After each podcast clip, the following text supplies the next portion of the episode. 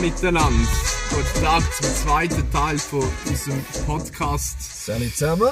Äh, wir haben letztes Mal ja darüber geredet, äh, über Balkanieris und Problemas und äh, Balkan Connections. Balkan Connections. Ich muss schon sagen, wir haben ein bisschen Feedback bekommen von letztes Mal und äh, es war witzig gewesen für gewisse, für gewisse ein bisschen äh, traurig gewesen. Ja, Sentimental, aber sorry, wenn unser Leben traurig ist.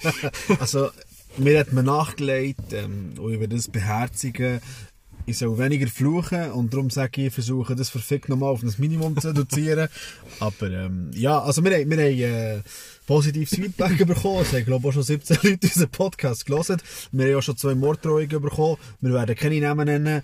Ähm, ja, es sind glaube ich 13 gewesen. ja, aber eben keine Namen und äh, Gruß an Baba Mila von Novi Sad. Äh, und sonst, weiss nicht, es ist jetzt schon ein bisschen Zeitchen her, seit wir das letzte Mal haben, äh, Stimmt, ja. Weil wir sind laufend am äh, Equipment verbessern. Ja, also, Und, äh, also, wir sind am Equipment verbessern. Momentan hocken wir in der Grand Cherokee, irgendwo in der dubiosen ähm, Einstellhalle. Ähm, wie spät ist es? Es ist, äh, ja, es ist eins am Morgen, Mann. Aber sonst geht es uns gut. Läuft, läuft, läuft. Nein, letztes Mal haben wir ja gewisse Themen angeschnitten. Es geht immer um das gleiche Thema.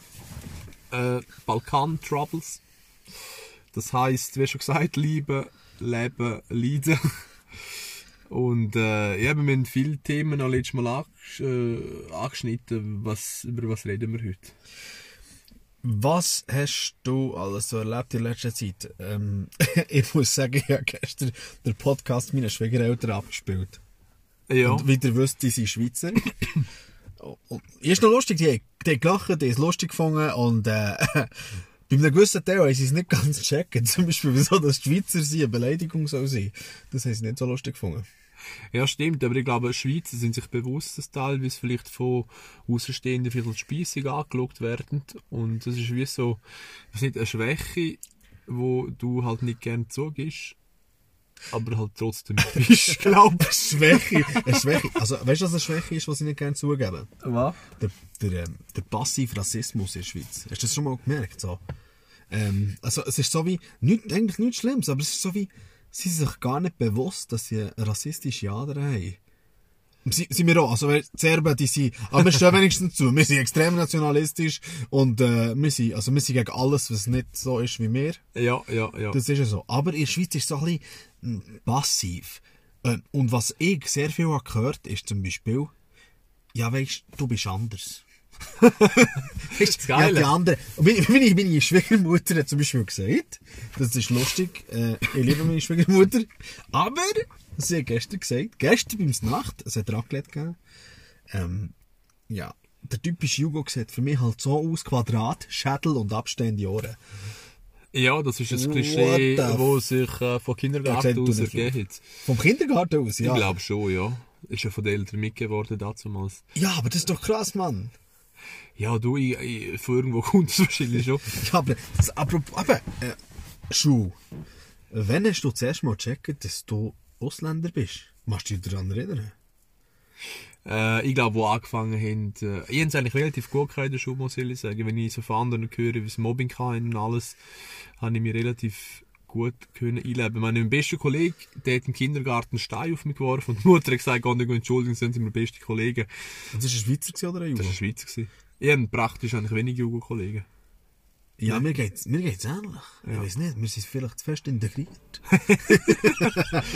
Nein, aber apropos, apropos Rassismus und alles, ich meine, ich, ich, ich habe früher neben Studium und alles haben wir äh, Ferienwohnungen geputzt und äh, wir hatten ein älteres deutsches Bärli wo eigentlich uns quasi angestellt haben und äh, sie haben so ein Schild gemacht, wo halt beschreibt, äh, Netz, Jungs, Ehepärli, also ich und meine Frau aus Ex-Jugoslawien, und nicht von Serbisch, sondern von Ex-Jugoslawien, äh, die sind da eben momentan am Aushelfen, als Fragen sind mit meiner Telefonnummer und und und. Und ich bin dort am Putzen und dann kommt äh, auch eine Schweizerin und äh, fragt mit mir Uhren laut an, guten Tag, können Sie bitte Kissen holen? Und dann habe ich sie angeschaut und ja, was brauchen sie für Küsses, oder? Und sie waren verwirrt, dass sie eigentlich Bündnerdeutsch reden. Aber das ist mir auch schon. dann weißt du, easy, auch, ja, ja, ja, das ist eine Sache. Gewesen. Und gerade letztens im Beruf, apropos, ich bin ja auch unterwegs mit einem Mitarbeiter von mir, sind wir in ein Lokal gegangen, also einem Stamm, Stammtisch, ähm, ältere Schweizer, eine Massen alle Schweizer gewesen, alle pensioniert. Und dann typische so Stammtisch Schnorren alles gehabt. Und dann fragen sie natürlich in einem kleinen Dorf immer, von wem bist du, oder quasi, wer, wie heisst du? Dann mich halt vorgestellt, oder Trailovic, und äh, gesagt, ja, drei, drei, Trevic, Trevic. Ja, du weißt nicht, was ich schon alles gehört habe. Zum Beispiel, also bei mir beim Job ähm, ist es noch viel so, dass es recht schwierig ist, meinen Namen aussprechen. Und dann äh, hörst du aber die lustigsten, lustigsten Sachen. also ich bin, ich bin schon, ich bin schon ähm, Drachsu genannt worden und, und Was Draxu? Drachsu, Drachsu, ja, ja. Wieso Draxu? Das ist ein Name. Das ist ein Nachname. Aha, ich. Aber die Gemeinde heisst Drachsu. Ah, Draxel? Ja, Drachsu. Alter Mann, du hast so eine, mit dem Dialekt. Das so Nee, ich verstehe nicht Berndeutsch. Berndeutsch, Mann. Nein, aber, also, ich, eben, ich habe zuerst mal gecheckt, dass ich anders bin. Wo einen quadratischen Kopf was? nein, nein, wir haben beide keine Quadratschädel. Das stimmt, Und ja. außerdem, meine guten Leute, äh, nur so ein bisschen am, am Rande, Albanien gehört immer noch nicht zu Jugoslawien, hat auch nie zu Jugoslawien gehört. Stimmt, stimmt. Und, lernt euren Ostblock. Wir sind nie Teil davon gewesen, Motherfuckers. Ja, genau, das ist eben die Passiv-Aggressivität, zum sagen, alle in den gleichen Topf werfen. Das ist Sie sagst- sagen sogar, sie sagen sogar, ist doch alles das Gleiche. Nein, ich gesagt, willst du mir sagen, dass Italiener, Deutsche, Österreicher und Schweizer und Franzosen alles das Gleiche sind? Nein, sicher nicht. Also, what the fuck? Sorry, ich Ja, bin schon wieder am Fluchen, es tut mir leid, Leute. Ich Das weiss. Gleiche, das Gleiche mit Wein. Du kannst nicht immer rot wie sagen, alles ist gleich. Außer du es mit Cola mischen, dann gibt's Pampas. Bambus!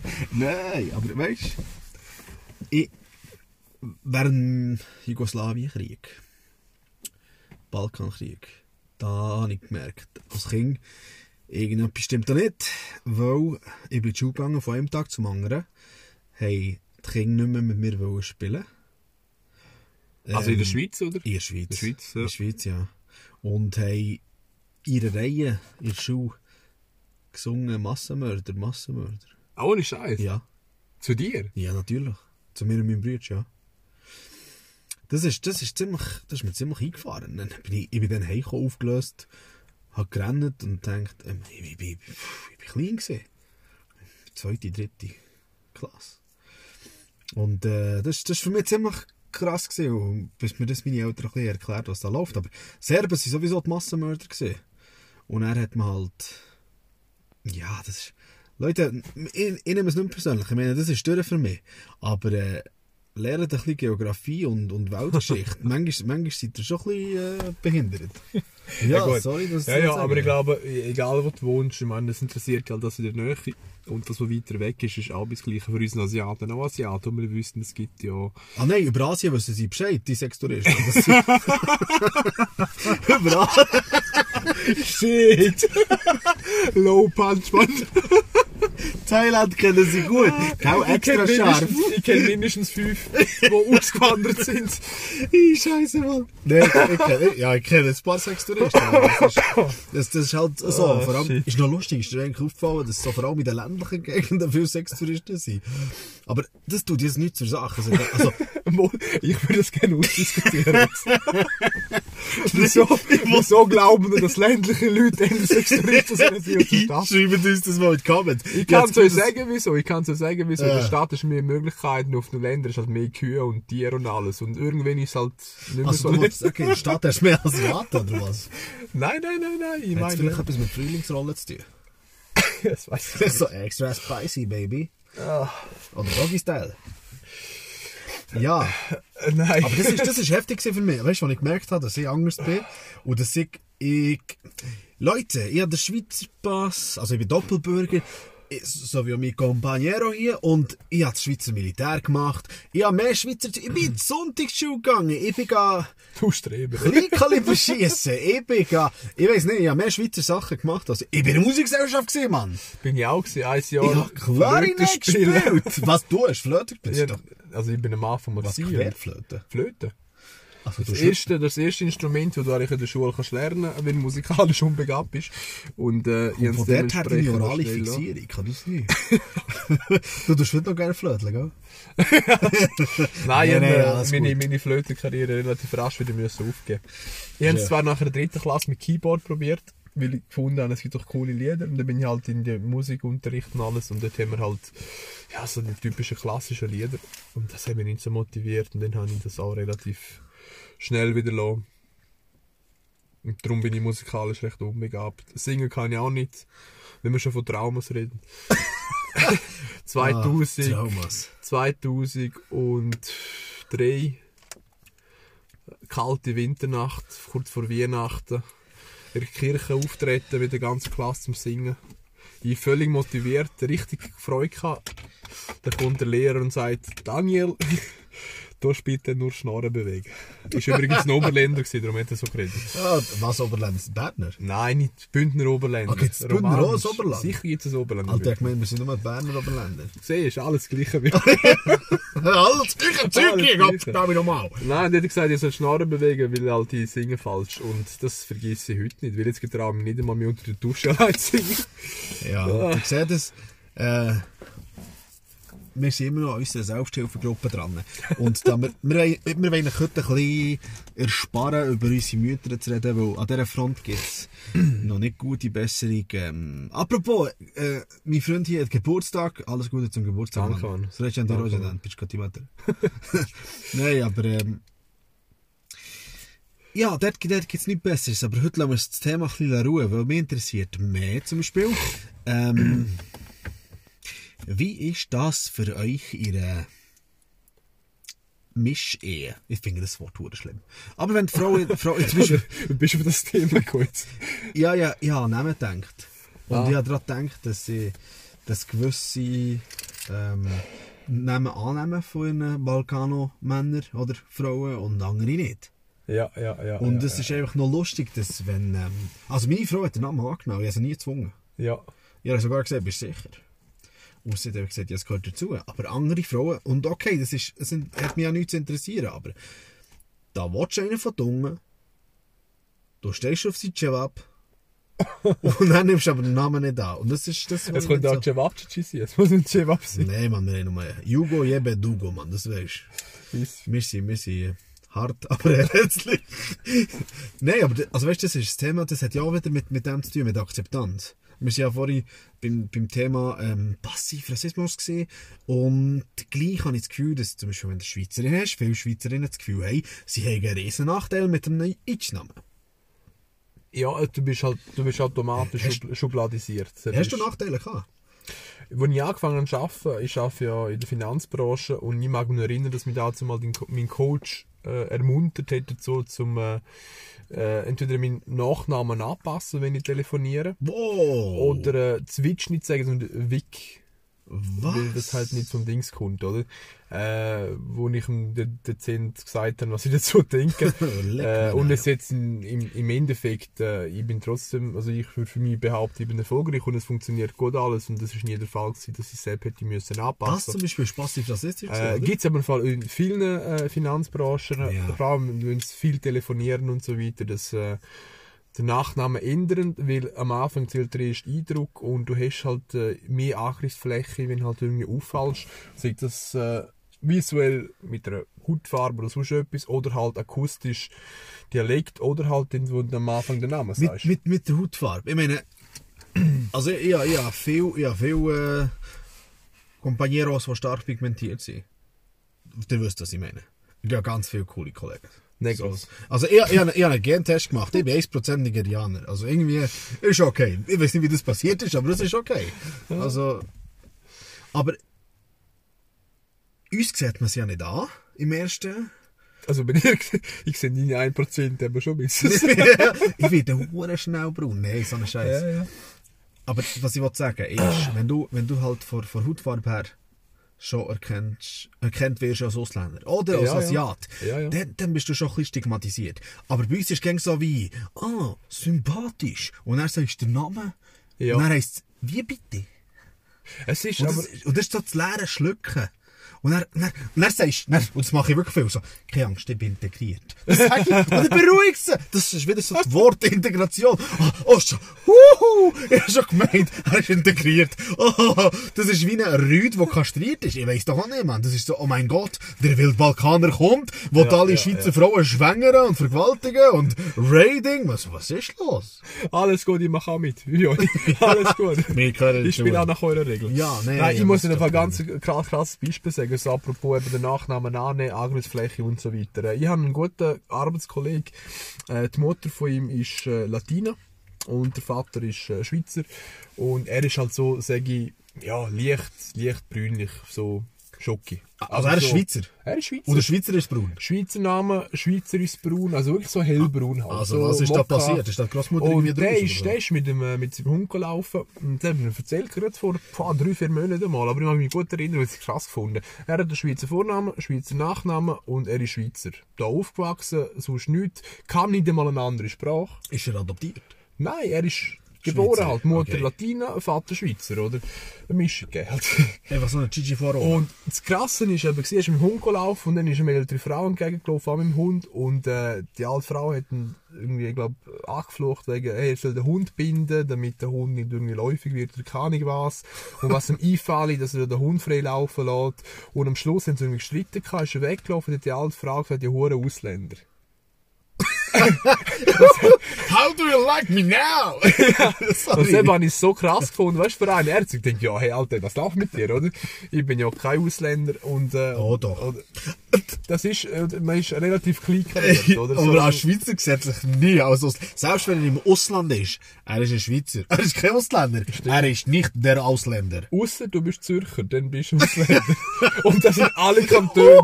Alle sorry Kantone Jungs, sorry alle Kollegen von Zürich, es ist so. Ja, Also, aber gut, das ist ein anderes Thema. voll. Nein, es gibt halt schon gewisse so, so, ja, wie soll ich sagen, ähm, äh, sagen wir es, äh, wenn du denkst, dass etwas so ist, aber du bist nicht sicher, dass du, weißt du, auf den ersten Blick, wie sagt man dem? Jetzt fällt mir das Wort, das Wort nicht ein. Was liest du? Mann? Nein, sag jetzt. Déjà-vu. Déjà vu. Alter, Lass mir zu. Rätsel. Auf den ersten Blick. Was fuck schon sagen? Komm, versuch's nochmal. Versuch's nochmal. Schnaufen, schnaufen. Vorurteil. Du hast für das Vorurteil so lange gebraucht. Ah, Er ist ein sehr gebildeter Mann. Aber Du okay. hast ja gewisse Vorurteile, oder? Äh, wie kann ich, die Italiener, die halt. Was sind die Italiener? Was machen die Italiener? Alle Mafia und so weiter, zum Beispiel. Essen alle Spaghetti und Pizza. Das stimmt aber. Ja, also. Oder die Deutschen, dass sie, dass sie, dass sie auf Perfektion achten und äh, gerade den Rechtsanwalt einschalten. Und jetzt sagen die Schweizer alle, Moment, Moment, Moment, Moment. Ja. Und äh, ich meine, die Schweizer haben auch ihr Ding und bei uns Serben ist es halt wirklich so, dass man sagt, du los, der ist sicher nicht ehrlich, der ist gewalttätig, äh, der kann man nicht trauen, der wird über den Tisch ziehen. Das Witzige, das habe ich letztes Mal ja schon gesagt, Serben unter sich trauen sich am wenigsten. Und ist- ich verstehe die Schweizer, wenn sie sagen, wir trauen den Serben nicht, weil ich traue anderen Serben auch nicht. Also ich traue, ich traue keinen Balkan. ja.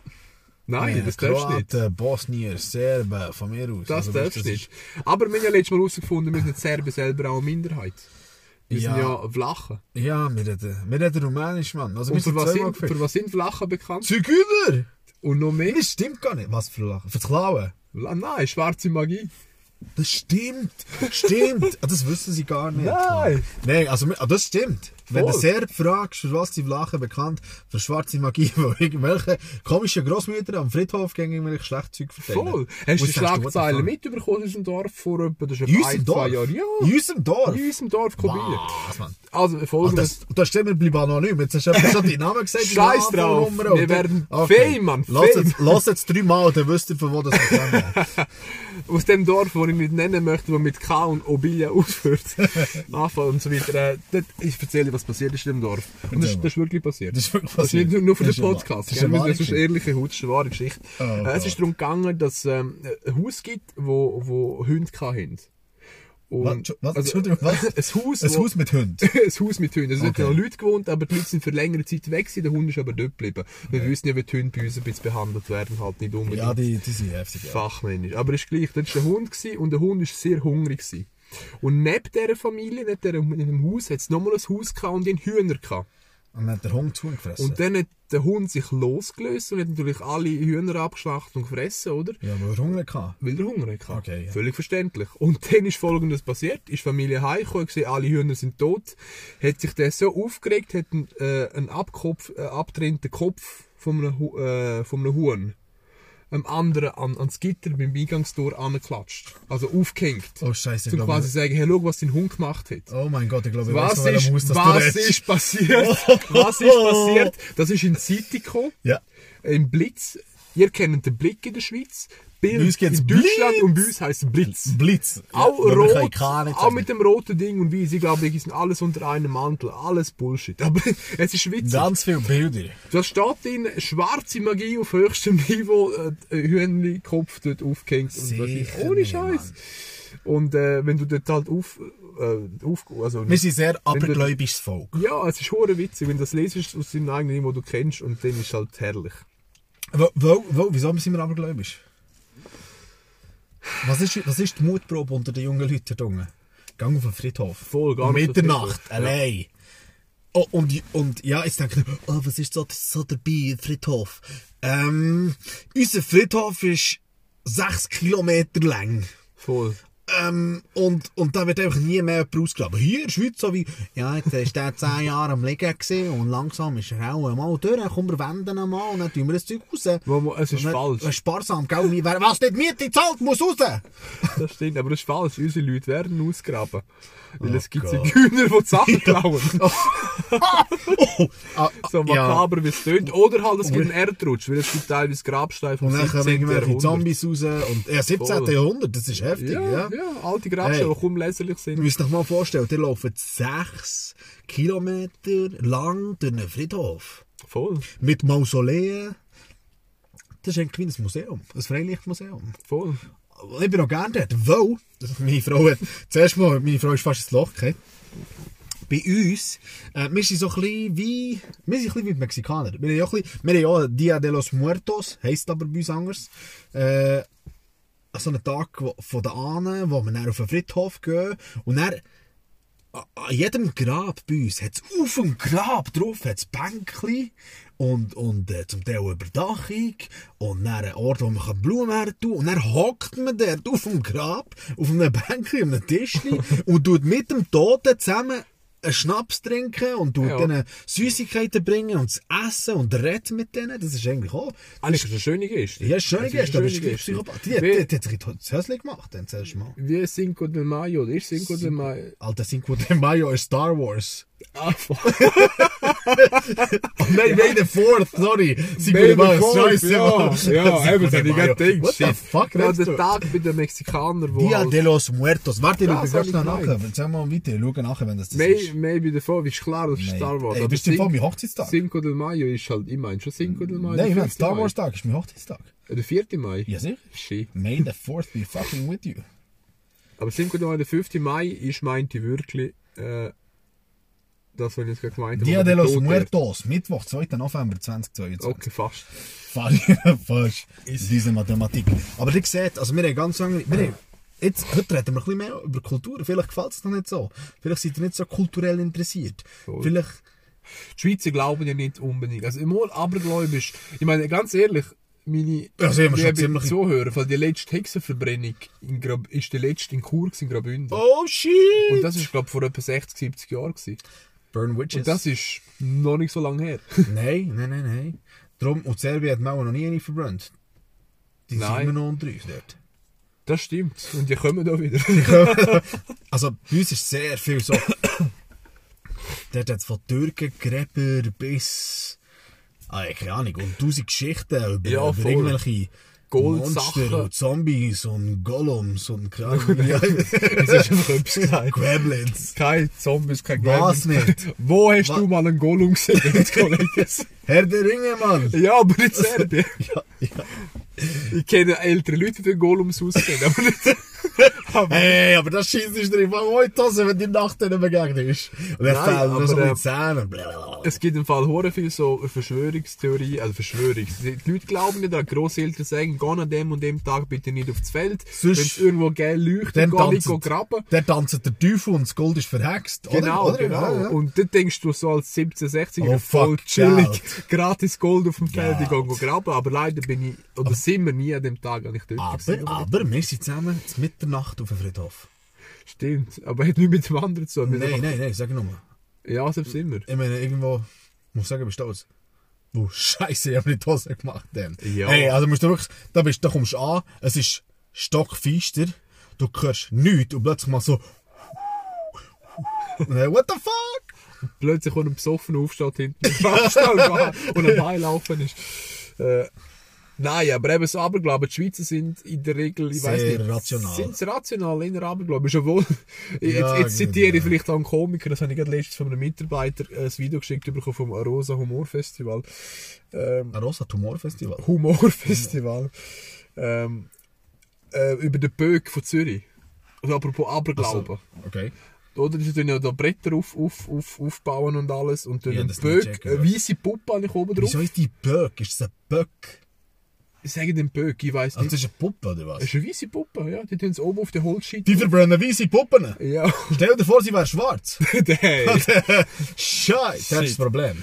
Aber auf jeden Fall, sie verbrennen das und dann tun sie, glaube ich, umreiten oder rumlaufen um das Zeug. Und dann, wenn es schnell abbrennt, gibt es, glaube ich, einen guten Sommer. Und wenn er langsam abbrennt, gibt es einen schlechten Ja, Sommer. es tut mir leid, wenn wir, wenn wir, wenn wir das falsch jetzt dokumentiert Auf jeden Fall hat der Komiker gesagt, so aber Aberglauben und Verurteilung von anderen Völkern und Glauben und Ethnie. Aber das, was sie in Zürich machen, ist Wut auf kantonaler Ebene. Ja, aber apropos, apropos Aberglauben, ähm, zu Interlaken gibt es ja die Harderbotscheten. Die die auch Masken anlegen, so, so die harter Männli-Zeug nachher spielen und, ja, ja. Also, und ich sag Geister austreiben und, und sagt äh, mir jetzt nicht. Ich weiss nicht, in Wallis zum Beispiel, die Häuser werden so bauen, dass du ein Seelenfenster hast. Dann so kleine Türchen, und man nicht verstirbt, oder es gibt gewisse Tage, ich weiß nicht, ob es Halloween ist, keine Ahnung was, du die Türchen öffnen. Halloween. Nein, Halloween nicht, aber es gibt so, so einen Tag halt, wo die Türchen, Totentürchen oder die Fenstertürchen, Totenfenster, wie die heißen, öffnest und das Zeel kann rausgleiten, Welche Seele? Wenn jemand verstirbt im Haus. Okay. Oder? Aha. Und das gibt's in den alten Walliser Häusern gibt's das. Ich meinte auch in Graubünden, in den älteren Häusern. Aber du, ich, vielleicht kann es auch ein bisschen anders sein. Aber ich habe von diesen Seelenfenstern nicht gehört. Ja, Seelenfest bei uns in Serbien gibt es eine ganze Zeremonie, die 40 Tage lang geht. Bis, Stimmt. bis, bis 40, wir glauben, dass 40 Tage lang die Seele vom Verstorbenen auf der Erde umwandelt. Dann musst du jeden Tag eine Kerze anzünden, ihn, damit er den Weg findet für ins Himmelreich. Und dann tust du da äh, opfern, also nur, nur so normales Food. Wir sind nicht wie der Mayas. Stell, Aber- aber- stell dir vor, 40 Tage. Hühnerköpfe! Nein, stell dir vor, 40 Tage. Dann musst du quasi jeden Tag mit etwas zu essen vorbereiten, glaube ich. Oder wie funktioniert das? ja, Mann, und dann gehst du zur Kirche und zündest es an. Also nicht die Kirche, sondern die Kerze. Ich würde nicht mal unter den lebendigen 40 Tagen jeden Tag Familie besuchen. Was meinst du, macht ein Toten? Ja, ja. Der denkt sich endlich bin ich weg, Mann. Weil sonst Probleme mit seiner Mutter gehabt Und der ist so lieb. Ich meine, weiß nicht, nein, ist eine traurige Geschichte. Nein, nein, nein. Also wir machen uns auf keinen Fall lustig, es gehört zu unserer Kultur. Und Wir hinterfragen es Wir hinterfragen es. Obwohl das ist, das hat auch etwas Beruhigendes. Und gleich finde ich es echt creepy. wenn wir schon bei der Kultur sind, ich meine, es muss nicht immer, nicht immer alles so negativ sein, aber wenn wir schon bei der Kultur sind, eigentlich, oder Familie und alles, bei, bei uns ja schon groß geschrieben, also das muss man schon sagen, weißt, Familie Zusammenhalt, ähm, du hast, wir haben unsere, unsere, unsere Traditionen, wir haben ein bisschen, wir stehen für etwas, auch wenn es negativ ist. Die Schweizer stehen doch für nichts. Hey, ist, wow, wow, wow, pass auf. Ja. Nein, sorry, nein, nicht böse gemeint, Ja. aber sie haben natürlich durch das, dass, ähm, Sie stehen für einen starken Schweizer Franken. das stimmt. Ja, stimmt. Das stimmt, aber irgendwie, es fehlt halt so ein bisschen Identität, wo, wo halt, oder, sind im Neutral, und das ist auch eine grosse Stärke, Neutralität, aber äh, die Neutralität hat natürlich auch gewisse Nachteile dadurch, dass man einfach irgendwie quasi gewisse, gewisse Ehrengefühl, Stolzgefühl halt, wo viel, sage ich, Südländer oder halt Balkanieris oder was auch immer, haben. Und, äh, ja, eben, ob es negativ oder positiv ist, spielt ja keine Rolle. Die Schweizer sind wie lauwarmes Wasser. Es ist okay. Verstehst du, was ich meine? Oh fuck. Stimmt. Habe ich jetzt gesagt? Ja, das ist oh fuck. Aber wir wissen ja Oh, alle, wir haben ja fuck. letztes Mal als, als Schweizer auch. Ich habe gesagt, ich fluche nicht, aber oh fuck. Das ist jetzt unter die Gürtellinie. Nein, ist da ist der unter die Sextourist noch recht gediegen gewesen. Und das, das, ist einfach nur, heftig. Also ich will doch nicht als Nein, lauwarmes es ist- Wasser betitelt Aber werden. es ist doch What angenehm. fuck? Es ist angenehm. Es ist okay. Ja, angenehm für was? Leben und leben lassen. Für die Viertel spülen oder was? Ja, es ist angenehmer als kaltes Wasser und, angenehm, äh, und angenehmer als Okay, heißes ja, Wasser. Ja, ist okay. Für ist das, okay. Je nachdem, Es ist okay. lauwarm, ja. Kennst du die Marke von Föhn? Es gibt eine Marke von Elektrogeräten, die heisst okay. Es ist okay. Verstehst du? Äh, ah, wir haben jetzt keine Werbung gemacht, wir werden nicht sponsern von dieser Marke, was ist dabei. Also wirklich. Der Kollege hat den Föhn von okay. Habe ich gefragt, und Alter, ist der Föhn? Er ist schon. Ja, habe ich den Namen gesagt? Okay. Der Klaus? der Klaus? Nicht vom Typ, vom Bar, vom Bar. Auf jeden Ah, Fall habe ich gefragt, wie ist der. Föhn? gewesen? Er hat gesagt, er ist okay. Von dieser Marke. Ja, heute sind wir ein bisschen abgedriftet. Wir haben nicht wollen über unsere eigenen Probleme reden. Wir wollten zuerst noch etwas über Kultur beibringen oder versuchen. Oder einfach selber gemerkt, dass wir noch keine Ahnung haben von allem. Ähm, aber nächstes Mal werden wir sicher wieder auf die ganzen Balkan Travels zurückkommen. Sind wir jetzt schon fertig, oder was? Nein, noch nicht. Also, ich weiß nicht. Mögt ihr eigentlich noch mehr hören? Alter, das Ja, ja, wieder das hören. 14. Vier- 15 Leute. Ja. Jetzt, jetzt ist es gerade 16 geworden, sorry. Ah, schnell. Das siehst du gar nicht. Ah, sorry, das ist die Zeit verläuft. Shit. Ja, ich meine, das ist die Anzahl Leute. Nein. Ähm, wie soll ich sagen? Ich bin der Meinung, ein guter Podcast soll etwa 3 Viertelstunde gehen. Ja, dann probieren wir es mal und wenn es noch nicht passt, dann Alter, schreiben wir es. Apropos, ich sage gerne, die schreiben uns, die schreiben uns. Aber bis jetzt habe ich nur böse E-Mails bekommen. Ähm, tut doch einfach, wir machen jetzt eine Instagram-Seite. Wenn ihr etwas zu sagen habt, meldet euch bei uns auf Instagram. Direct Messaging, wir sind für euch da. Wir suchen immer nach Leuten, die gerne mitmachen im Podcast und gerne sich mit uns zusammen hier ins Auto kuscheln, in der gruseligen Einstellhalle irgendwo. Ich sage jetzt nicht wo. Ich, ich glaube nicht, dass äh, unser Auto No, da das das, neue Tonstudio wird. Nein. Wir werden auch besseres Material kaufen nächstes Mal. Aber bis jetzt geht's. Bis jetzt geht's. Ab, hast, Ja. hast,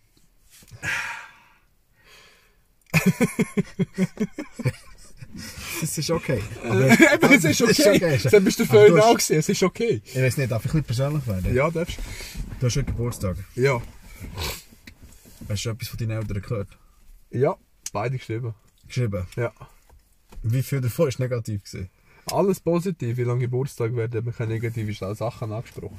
Okay. Man hat gelernt, ruhig sein, ja nicht Probleme ansprechen und so weiter. Ja, ah, die Vater geschrieben. Yes. Die Vater geschrieben? Ja, geschrieben. Hure geil, Mann. Meine hat mir noch nicht geschrieben. Aber ich weiß nicht, ob er geschrieben hat. Ja, ist gleich, er hat geschrieben, ja. Also, mit seinem Telefon, aber die Mutter hat geschrieben. Könnte sein, ich weiß nicht. Passiert bei mir auch häufig. aber ich merke es auch bei den Rechtschreibfehlern oder so. Ah, ja, Das ist ja, andere ja, ja, ja. Schreibweise. Und jetzt werden wir wieder emotional, dann merkt. Genau. Und jetzt ist der Moment, wo ihr sagt, oh fuck, ich stehe ab. So.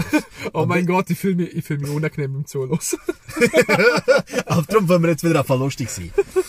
Darum wollen wir jetzt wieder einfach lustig sein.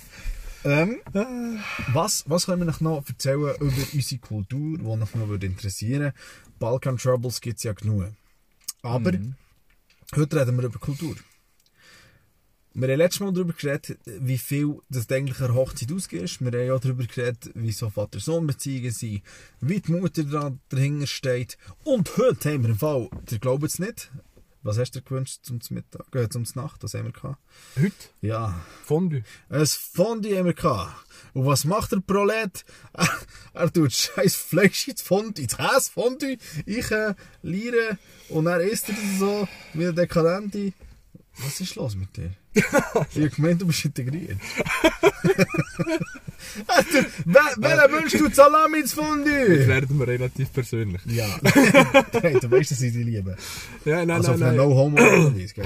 No homo, ja. Solange wir no homo Aber, sind. aber eben alles schon lustig, wir haben heute noch mehrere Balkaner, und zwar Kollegen. Nein, lass mich das ausreden mit dem Fondue. Ich finde das nicht okay. ich muss mich rechtfertigen. Fondue kann man mit Brot essen, man kann es mit Herdöpfel essen, man kann es mit Früchten essen, Ananas, Birnen, Äpfel, was auch immer. Gut, und man kann ja auch ein Stück Salami nehmen Es und ist okay. tun. Und man kann auch ein Stück Brot in eine Salami nehmen, Alter. umwickeln, wenn ins Geschenk und in die Gabel und rein tun. Es okay. Man kann auch zwei Stück Brot Beruhig nehmen. Herdöpfel mit Gewürz drin und Salami Es ist okay, es ist okay. Ich meine, du kannst die scheiß Fondue essen, wie du willst, okay? den. Ja, ich wollte dich nicht beleidigen. Ich stehe zu deiner Schweizheit, auch wenn es mit Salami ist. Und ich glaube nicht, dass dir jemand würde verurteilen Es ist Fleisch von einem, Alter, von einem regionalen. Bauer. würde. Ist Scheissdreck, Mann, der Salami aus irgendeinem zweiten... Ach, verdammt, Scheissdreck. Okay, kommen wir zurück zum Dings. Wir haben heute, wir haben heute einen Kollegen aus Bosnien da gehabt. Und das ist noch Ja. lustig. Wir haben sie haben den Podcast gehört und gesagt, hey Jungs, lasst Also einer davon hat den Podcast gehört, so halb. Er hat gefunden, er hat gefunden der Podcast sei ihm zu lang, weil Er hat ist gemeint, so- niemand lost Videos, die 40 Minuten lang. Ja. Er hat, er hat das Gefühl gehabt, ja, wenn es jetzt zwei Minuten weg gewesen, er es gelost. Aber das war schon ein bisschen gewesen. Ich habe gesagt, Kollege, Podcast geht zum Teil zwei bis vier Stunden. Je nachdem. Joe Ja. Rogan zum Beispiel. Das ist heftig, Stunde Mann. ist Ja, nein, nein, nein. Aber meine, so 45 Minuten ist total easy. Voll. Aber äh, was ich eigentlich raus will, ist, dass sich die Eltern Kindbeziehung durch unsere bosnischen Kollegen haben bestätigt. Die haben von den genau gleichen Problematiken geredet, wie wir sie haben. Ah ja, fix. Es ist, ich meine, das ist heftig. Ist für dich nicht auch manchmal schwitzig, wenn du all die Probleme durchgemacht hast? Äh, mit der Frau, mit der Schw also Sch- Schwiegereltern von deiner Frau aus gesehen, deine Eltern. Äh, weißt du, so gewisse Sachen, wo sich die Eltern einmischen, ist für dich auch nicht witzig, wenn du nachher einen Jungen siehst aus dem Balkan, der eine Frau hat und nachher tun beide voller Freude sagen, hey, hure cool, wir gehen zu den Eltern wohnen. Und denkst, Ja. shit, Mann, du siehst nur Bilder. Alter, du bist so Im Kopf. dumm. Der Moment, wo du sagst, ist da voll hinter dir. Aber Ja, du denkst, ja. was für ein Idiot. So ein Moment, wo du nachher rauslaufst, die Frau anschaust und ihr schauen noch an und denken genau das gleiche. Fuck, die sind völlig am Arsch. Die sind völlig am Arsch. Sex kannst du vergessen, weil die Mutter die ganze Zeit äh, eine Tür lässt. Vor allem, wenn sie nie ist. Machen sie das, das ist natürlich los. Ich weiß doch nicht, man. Nein, nein, ma, nein, die Bilder, nein. Ich weiß nicht, man. Aber es ist nicht gut, es ist auf jeden Fall nicht gut. Aber ich finde es witzig, wenn du siehst so junge Leute voller Ambitionen, voller Abgrund. So ist so, Oh, sorry. hast du schon wollen abschliessen? Nein, Mann, ist gut. Ist, ist ein kleiner vorzeitiger Guss gesehen. Passiert manchmal. Ja, ja, ja. Einfach. Wenn wir unser Soundsystem wieder laufen lassen, dass du da kannst. Ja, gib mal das Soundsystem. Easy. Gib mal das Soundsystem. Er lädt jetzt die hochmodernen Tonstudio an, der gehört Song da. Ist am Laufen. Grand, Kannst du bitte angurten? Grand Cherokee. ich muss mich angurten, Alter, wir stehen. Was ist nicht gut mit dir? Ja, der Pfiff ist Nein, alles gut. nein, nein, nein, nein, nein. Jetzt Nein, musst nein, kurz nein, warten, nein, nein, nein, jetzt musst du kurz warten. Moment, ich sehe, es läuft alles automatisch. Wir sind sehr modern. Apropos eben, wir sind, wir sind moderne Eltern, wir haben Internet im Gegensatz zu unseren Eltern. Stimmt, ja. Ah, ja. Und wir schauen auch an, wir spielen auch andere Sachen vom Handy als nur Candy Crush mit Müttern. Candy Crush? Hat das deine Mutter nicht gespielt auf dem Handy? Nein. Nie, die ganze Zeit. Ach Gott. Findet sie es cool. Ich nehme es an, ja. Aber ähm, jetzt gegen Schluss müssen wir noch ernst werden. Ich habe das Gefühl, unsere Frauen haben viel durchgemacht mit unseren Eltern. Das ist mir heute gerade so aufgefallen im Gespräch, wo ich, ähm, Mit unseren Eltern. ja, Mann, Ja, ja, ja. wo ich ja. meiner Frau hat zugelassen, deiner Frau hat zugelassen, Voll. und noch die anderen, die dort am Tisch sind gehockt, von der bosnischen Seite.